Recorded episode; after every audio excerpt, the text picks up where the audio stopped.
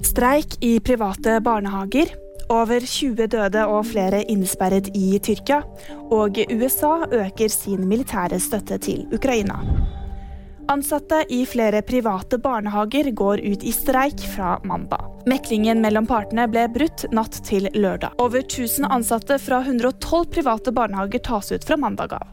Striden står om pensjonsordningen i barnehagene. Over 20 er døde og flere er innesperret i kullgruve i Tyrkia. Redningsaksjonen pågår fortsatt.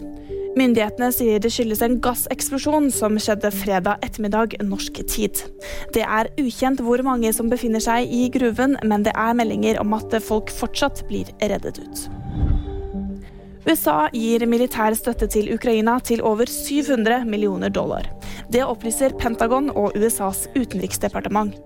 Den nye pakken inneholder bl.a. raketter, ammunisjon, kjøretøy og medisinsk utstyr. VG-nyheter fikk du av meg, Jyri Friis Edland.